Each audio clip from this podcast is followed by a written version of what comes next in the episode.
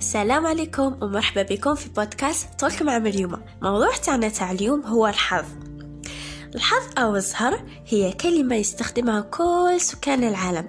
هو ذلك الإكسير السحري ليمنحه الكون للبعض ويترك البعض الآخر بدونه يتخبط في فشل ومعاناة. تقريبا كلنا نأمنوا بالحظ حتى أنا كنت نأمن به. من تصرى لي حاجة مشي شابة نقول زهري ومن تصرى لي حاجة شابة نقول أنا درتها. وبعد يوم ما بعد ما قريت مقال عن الحظ من كل النواحي من الناحية الدينية ومن ناحية العلم حتى من ناحية الفلسفة فالحظ مجرد أكذوبة تتغلغل في عقولنا ما من صدفة في هذا الكون. كل ما تغلغلت في عقلنا فكرة الحظ أو الصدفة كل ما أرسلت للكون ولعقلك الباطن بأنك لست سيد أفكارك لست سيد نفسك لا تستطيع التحكم بمصيرك ولست أهلا باتخاذ قرارات بنفسك.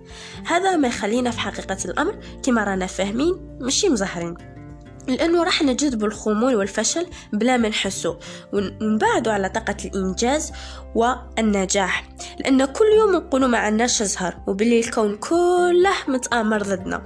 إذا قلنا أن محظوظين من ناحية التفاؤل والإيجابية باش نساعدوا نفوسنا لكن مشي العكس والتصديق الجازم حتى نوقع في دوامة حزن وملل ويأس أنه الحياة ما عطاتناش ونخلوا الحظ يتحكم في عقولنا وأفعالنا.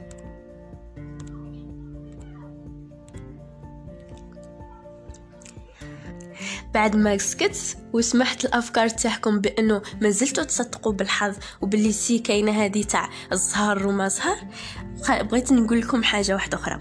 إذا أردنا نغيروا الواقع شا لازمنا لازمنا نغيروا أفكارنا.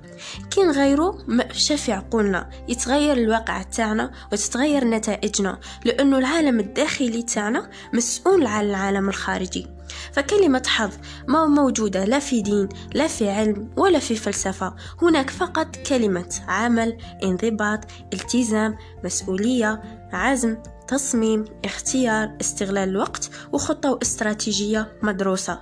إذا قمنا باستغل... باستغلال اليوم بل الساعة بل الدقيقة ما راحش نشوفوا أي شيء اسمه الحظ.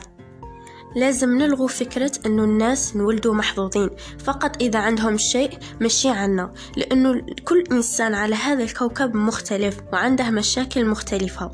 فأنه نقعدوا نش... نشغلوا أشياء اللي عند نشو... نشوفوا الأشياء اللي عندهم يخلي عنا نظرة محدودة ونغلقوا ونغفلوا على حياتنا ومميزات تاوعنا ونقعدوا مشغولين بالناس. فلذلك لازم نقولكم ركزوا في حياتكم. ونتلاقاو في البودكاست الجاي إن شاء الله. thank you